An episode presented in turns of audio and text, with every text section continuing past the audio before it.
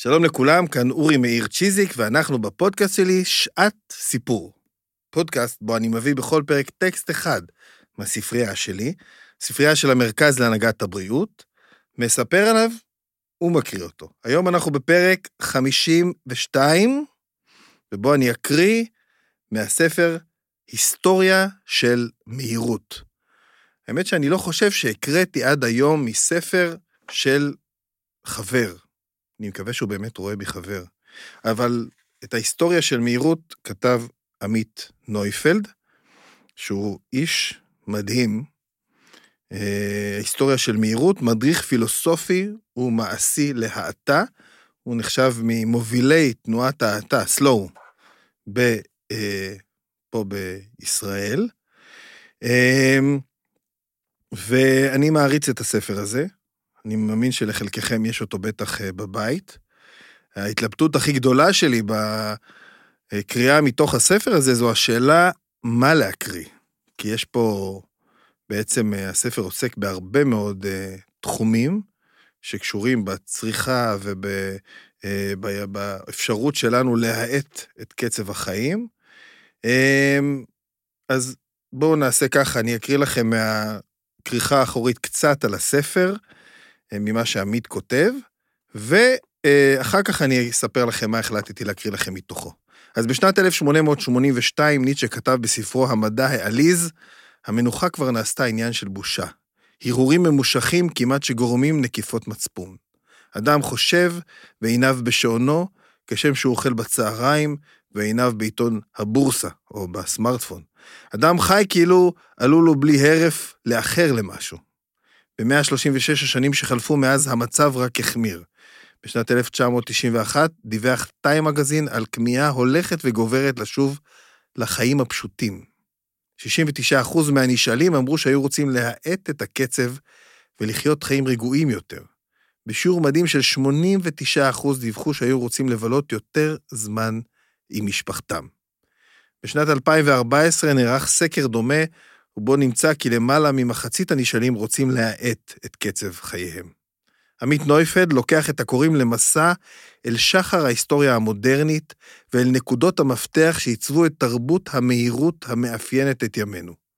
בשפה בהירה, קולחת ועשירה בדוגמאות, הוא מציג תופעות, מגמות ותהליכים הדוחקים בנו לעבוד, לצרוך ולחיות בהילוך גבוה. ההיסטוריה של המהירות מעורר דיון בהשלכות הכלכליות, הרגשיות והחברתיות שיש לקצב החיים המהיר. זהו מדריך מעשי להאטת החיים, שמסייע להוריד הילוך, מציע דרכים ליהנות יותר מהמזון, מהעבודה, משעות הפנאי, ומקדם יצירה של קשרים משמעותיים עם המשפחה והחברים, הסביבה והקהילה בה אנו חיים. קצת על עמית, יליד 1975, מייסד ועורך אתר תנועת ההאטה, אני אשים פה בפודקאסט, אני אשים לכם קצת אה, בתיאור שלו אה, קישור לתנועת ההאטה, כותב אודות פשטות מרצון, מינימליזם והמנגנונים המניעים לתרבות המהירות. מפרסם טורי דעה בעיתונים, הארץ כלכליסט, הוא מרצה בפורומים שונים. יש לו תואר ראשון בפילוסופיה וקולנוע, ותואר שני בפילוסופיה מאוניברסיטת תל אביב. מתגורר בשכונת התקווה עם נועה, אשתו, בסוגריים, המדהימה, וגור חתולים. זה אני הוספתי את המדהימה, כן? אוהב ללכת לאט ולבהות, משתדל שלא להידרס. אז אה, בדיוק אה, עמית ביקר בסיור ליכוד שלי עם נועה לפני אה, מספר שבועות, ככה, מספר שבועות לפני שאני מקליט את הפרק הזה, והיה לנו ממש כיף ביחד, זאת אומרת, לי היה כיף איתם, אני לא יודע אם להם היה כיף איתי. אני חושב שזה ממש אתם יודעים, אני, אני לא מרגיש בנוח, כי אני, קצב החיים שלי הוא מאוד מאוד מאוד מאוד מאוד uh, מהיר, ואני תמיד תוהה לגבי היכולת שלי להאט, וכשאני מסתכל על, על עמית ועל היכולת שלו להאט, אני כולי מתמלא קנאה. אבל uh, זו שאלה מורכבת, איך מאטים ומה הדרך, האם זה באוכל שאנחנו אוכלים, האם זה במחשבה שלנו, זאת אומרת, השאלה שלי, שלי תמיד עולה כשאני מתעסק בתנועת ההאטה, זה האם אני יכול להאט את הקצב שלי בלי להאט את הקצב. זאת אומרת, לעשות את כל הדברים שאני רוצה לעשות כמו שאני עושה היום, אבל להרגיש שהקצב שלי הוא אה, איטי. אה, זו שאלה פילוסופית מאוד מאוד מורכבת, אתם יודעים. התחלתי היום אה, בסיור ליכוד, אחר כך אה, טסתי לתל אביב כדי לעשות את ההקלטה הזאת של הפודקאסט, אבל בדרך ישנתי רבע שעה באוטו, עשיתי סיבוב של 5,000 צעדי הליכה ברחובות תל אביב כדי לשחרר את עצמי. עוד יש לי אמנם אה, הרצאה היום בערב, אבל אני מרגיש שאני קצת אה, לומד איך להאט את הקצב. שאלה. בכל מקרה, אני בחרתי להקריא לכם מפה, מהספר המדהים הזה, אה, אני מציע לקרוא את כולו. הוא באמת אה, שואב, אי אפשר להפסיק אחרי שמתחילים. אה, בטח כולם היו מנחשים שאני אקריא פה על, את הקטע על המזון. אה, דבר ראשון, אני אגיד שבחרתי לקרוא משהו מהחלק הראשון, שעוסק בבעיה עם, הבעיה עם מהירות. זאת אומרת, על הבעיות שקשורות במהירות. והחלטתי לא לקרוא על מזון וגם לא על עבודה. חשבתי שאני אקרא על רפואה, כי זה גם קשור, אבל זה לא הנושא שאני תמיד מקריא ומדבר עליו. אה, אז בואו נקרא על רפואה. אה, מתוך החלק הראשון, הבעיה עם מהירות, עמוד 68. יש פה כמה ראשי פרקים מאוד מעניינים, וגם סיפורים אישיים של אה, עמית. אני מתחיל. כשאמי הייתה בת 29, היא החלה לחוש ברע. חולשה, עייפות, סחרחורות פתאומיות וכאבי ראש תקפו אותה בתדירות יומיומית. לאחר כמה שבועות, רופא המשפחה הפנה אותה לסדרה של בדיקות, שבסופן התגבשה דיאגנוזה, פוליציטמיה, מחלה כרונית שבה הגוף מייצר עודף כדוריות דם אדומות. הטיפול בבית חולים השרון שבפתח תקווה כלל בליעת כדורים והקזת דם. אמי קראה לזה תרומת דם, אולי בגלל שחששה שבהמשך יציעו לה טיפול בעלוקות. התלוויתי אליה לטיפולים שהיו למעין שגרה משפחתית. כלפי חוץ היא נראתה אישה צעירה ובריאה, ורק לעתים רחוקות, בפתאומיות, הייתה קורסת בגלל סחרחורת קשה וצועקת, תעזרו לי, ילדים. אולם שעון החול הלך ואזל. על ריפוי המחלה לא דובר. למחלה הזו אין תרופה מוכרת, כמו לעוד כ-200 מחלות כרוניות אחרות. כשהייתה בת 59, המחלה התפרצה. הפרופסור שטיפל בה קבע כי נותרה לה חצי שנה לחיות. אמא, כמובן, המשיכה להאמין שתחיה לפחות עוד עשור. במשך חודשים ארוכים נכנסנו ויצאנו מאשפוזים, נועצנו בטובי המומחים והסכמנו לטיפולים ניסיוניים שלא נשאו פרי. במשך התקופה ראיתי כיצד אמי הופכת לעוד מספר במערכת. נטל סופני על רופא מחלקה, מחלקה פנימית ח' ועל האחיות. איני יכול להאשים את עובדי המחלקה. בהתחשב בעומס הקיים על המערכת, אני מופתע שהצוות הרפואי לא חונק את החולים בלילות. את השבועיים האחרונים לחיי היא העבירה מחוסרת הכרה ומחוברת לארבעה או חמישה צינורות שונים שהחזיקו אותה בחיים. אני מתקשה לחשוב על מצב שיכול להיות רחוק יותר מהמילה הזאת. בחיים. הצגים הראו שהיא עודה בחיים, אך זה היה הרמז היחיד. במקרים רבים של מחלות כרוניות, הרפואה המודרנית יודעת כיצד לשפר את הסטטיסטיקות שלה, להאריך את משך החיים, הרבה אחרי שאנשים כבר אינם מעוניינים לחיות. בערב האחרון הגעתי להחליף את אבי בבית החולים. הוא נפרד ממנה בנשיקה שהיא לא חשה. הוא פנה אליי. מחר באותן שעות. הסתכלתי עליה רזה ואפורה, ובלי לחשוב עניתי, כמו שזה נראה, לא נצטרך להגיע מחר. אבי התרגז. הרופאים לא אמרו כלום, אבל זו הייתה בדיוק הנקודה, בדיוק כמונו, הם חיכו. למחרת בחמש בבוקר הוא התקשר, אמא נפטרה. חצי שנה ויום חלפו מאז ההבחנה הראשונה. פוליציטמיה נחשבת למחלה אקזוטית יחסית, אך מחלות כרוניות אחראיות לכשני שליש ממקרי המוות בעולם, 35 מיליון מתים בשנת 2015. מחלות לב, מחלות של דרכי הנשימה, סרטן וסוכרת הן השכיחות ביותר, וב-30 השנים האחרונות מספרם של החולים הכפיל, לעתים שילש את עצמו. התחזיות לגבי העתיד אינן, אינן אופטימיות. מספר מקרי המוות צפוי להמשיך ולעלות. נתונים אלה מת, מתסכלים במיוחד בהתחשב בעובדה שכ-80% מהמחלות הכרוניות האחראיות למרב מקרי המוות ניתנות למניעה. הימנעות מסוכרת סוג 2 הקשורה להשמנת יתר מחייבת שמירה עקבית על תזונה נאותה ואורח חיים פעיל.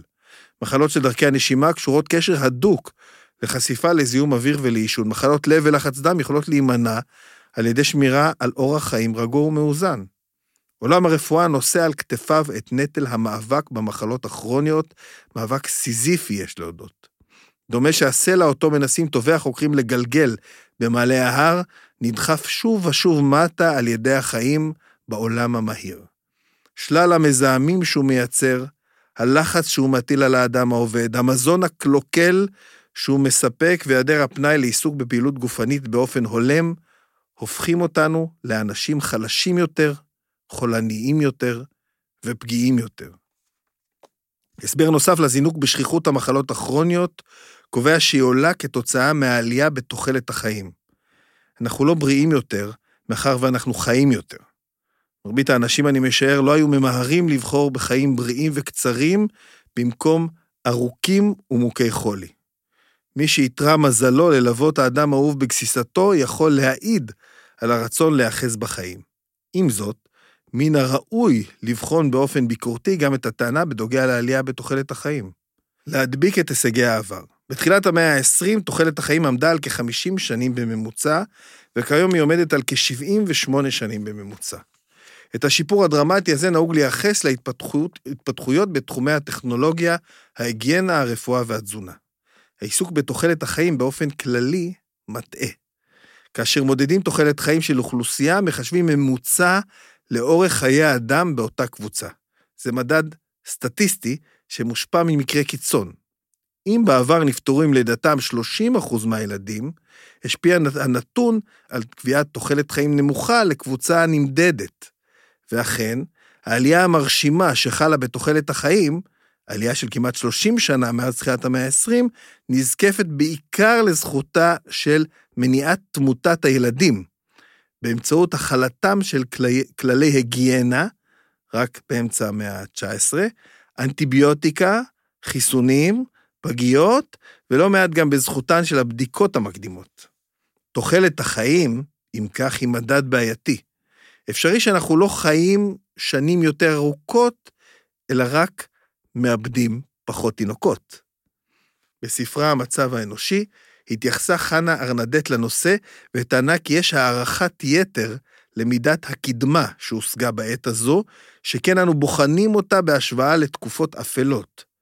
ייתכן למשל שתוחלת החיים במדינות מפותחות ביותר כיום חופפת רק לתוחלת החיים במשך כמה מאות בעת העתיקה. איננו יודעים כמובן, אבל התבוננות בגיל המוות בביוגרפיות של אנשים מפורסמים מעוררת חשד כזה.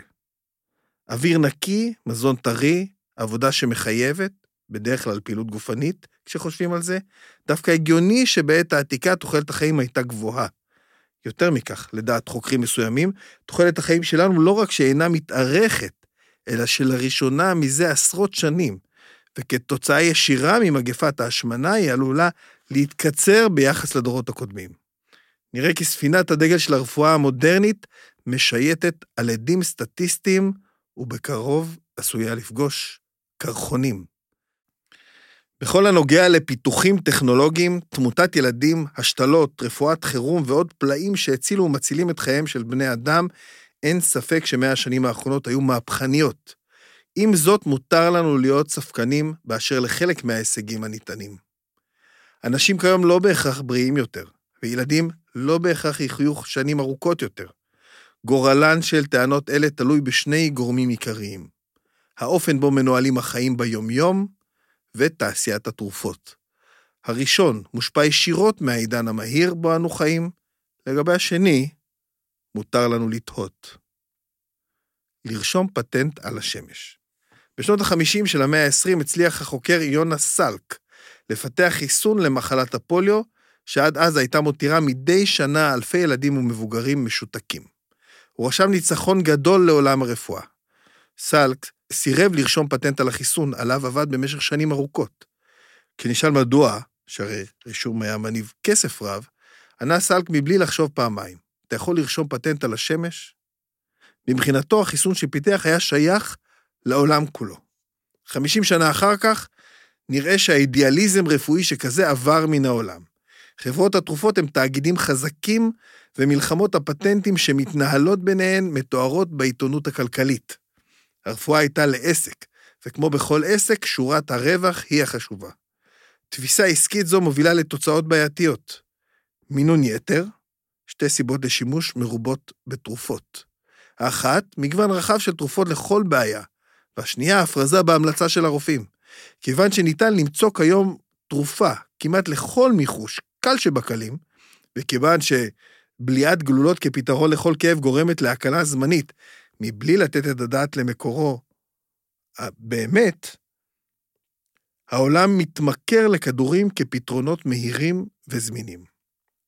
בנוסף לכך, יש רופאים שמוצאים את עצמם בעמדת משווקים של חברות תרופות.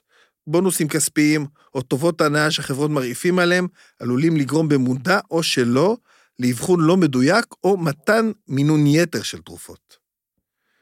תמחור גבוה. כאשר תרופה היא הדבר היחיד שעומד בין חולה לבוראו, הוא מוכן לשלם כמעט כל סכום. חברות התרופות מנצלות זאת ומעלות את מחיר התרופות מצילות החיים. הן מסבירות זו בעלויות הגבוהות של המחקר והפיתוח.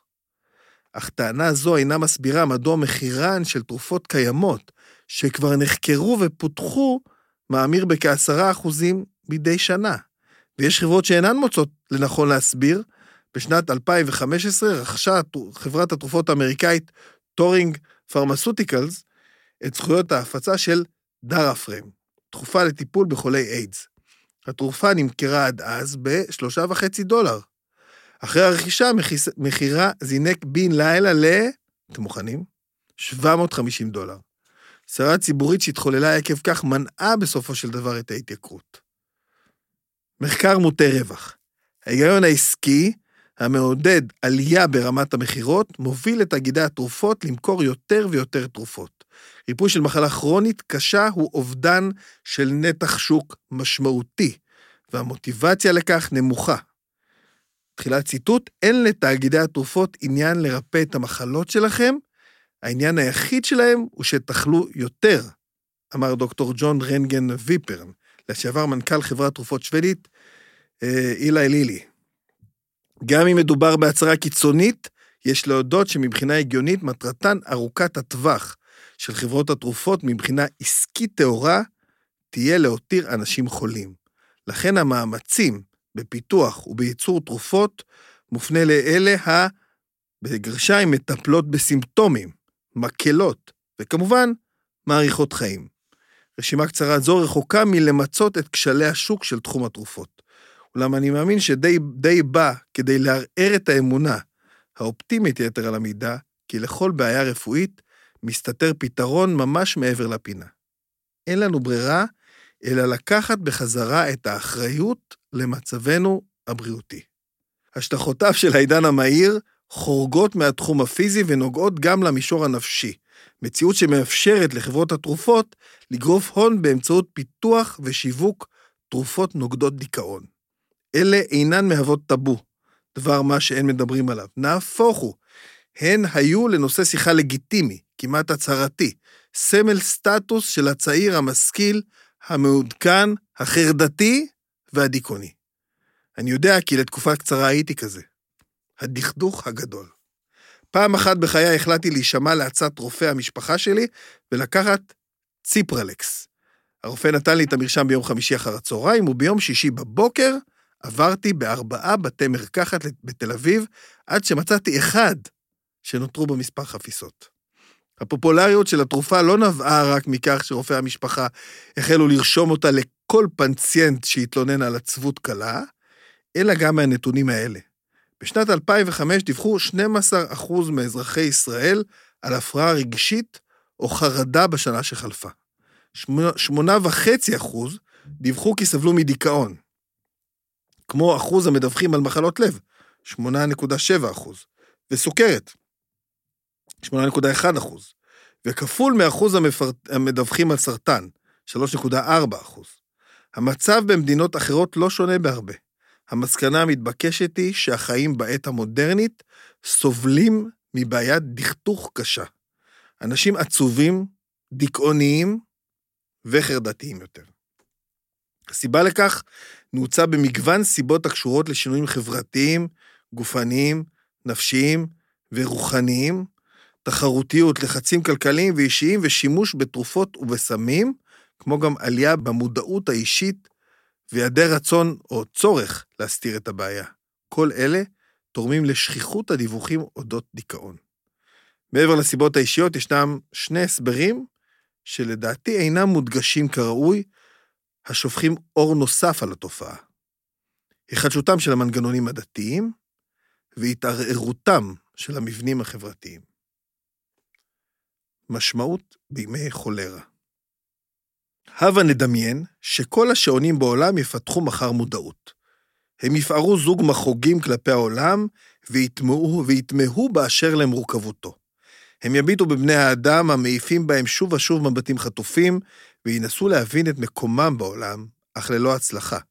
שעון לעולם לא יבין את תפקידו ואת תכליתו, אלא אם יבוא האדם שהמציא אותו ויאמר, המחוג הקטן מצביע על השעה, והגדול על הדקה.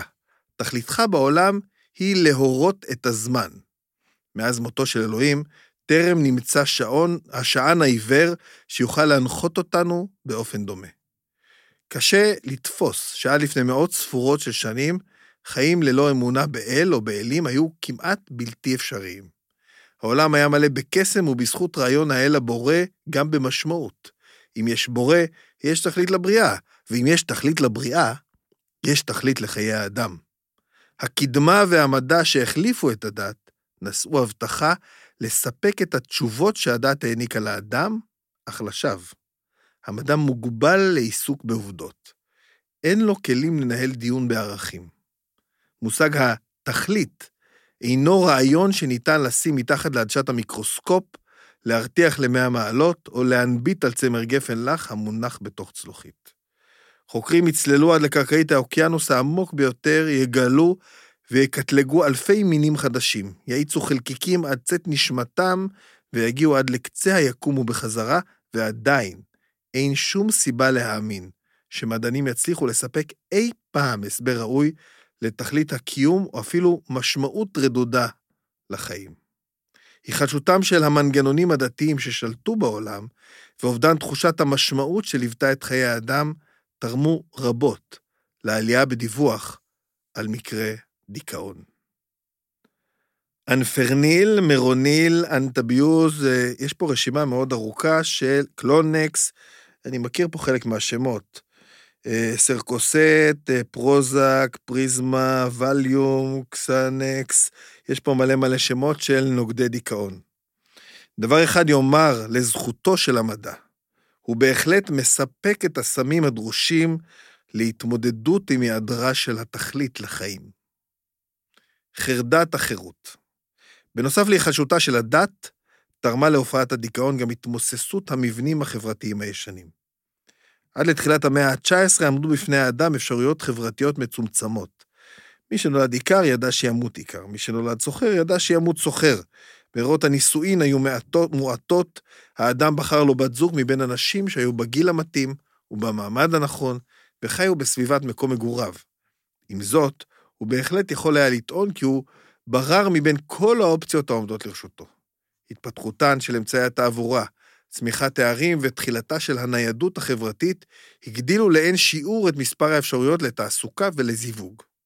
אם באמצע המאה ה-18 יכול היה אדם לומר שבחן את כל בני המין האחר הפנויים לנישואין ובחר את הטוב ביותר, הרי שכעת יכול היה לומר שבחר את הטוב מבין אלה שיצא לו לפגוש.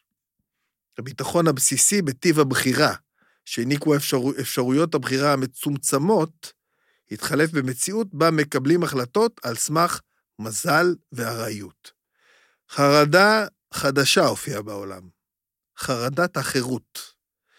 ריבוי הברירות והשפע בהם נתקלים בכל מקום, בקריירה, במגורים, בבחירת בני זוג, בסופרמרקט, מזויף או אפקטיבי, במגוון הערוצים מסחרר. חלק מתקשים אפילו לבחור מנה בתפריט. כל בחירה משמעותה ויתור על האפשרויות האחרות. כשמספר הברירות בכל תחום גדול, כשכל החלטה מלווה בחוסר ודאות, במקרה הטוב, או במקרה הרע, בתחושה של התפשרות, התוצאה היא חוסר נחת קיבוצי, התורם משמעותית לעלייה במקרי התשישות הנפשית. הדיכאון אינו רעיון של העת המודרני, של העידן התעשייתי. מקרים של דיכאון, בסוגריים מחלת הנפש העייפה, מתועדים כבר מימי יוון העתיקה. עם זאת, ניתן לייחס לתרבות השפע והמהירות שהשתלטה על העולם, אחריות לשכיחותה ההולכת ועולה. אה, חברות וחברים, זה היה מתוך הספר של עמית נויפלד, עמית נויפלד, היסטוריה של מהירות.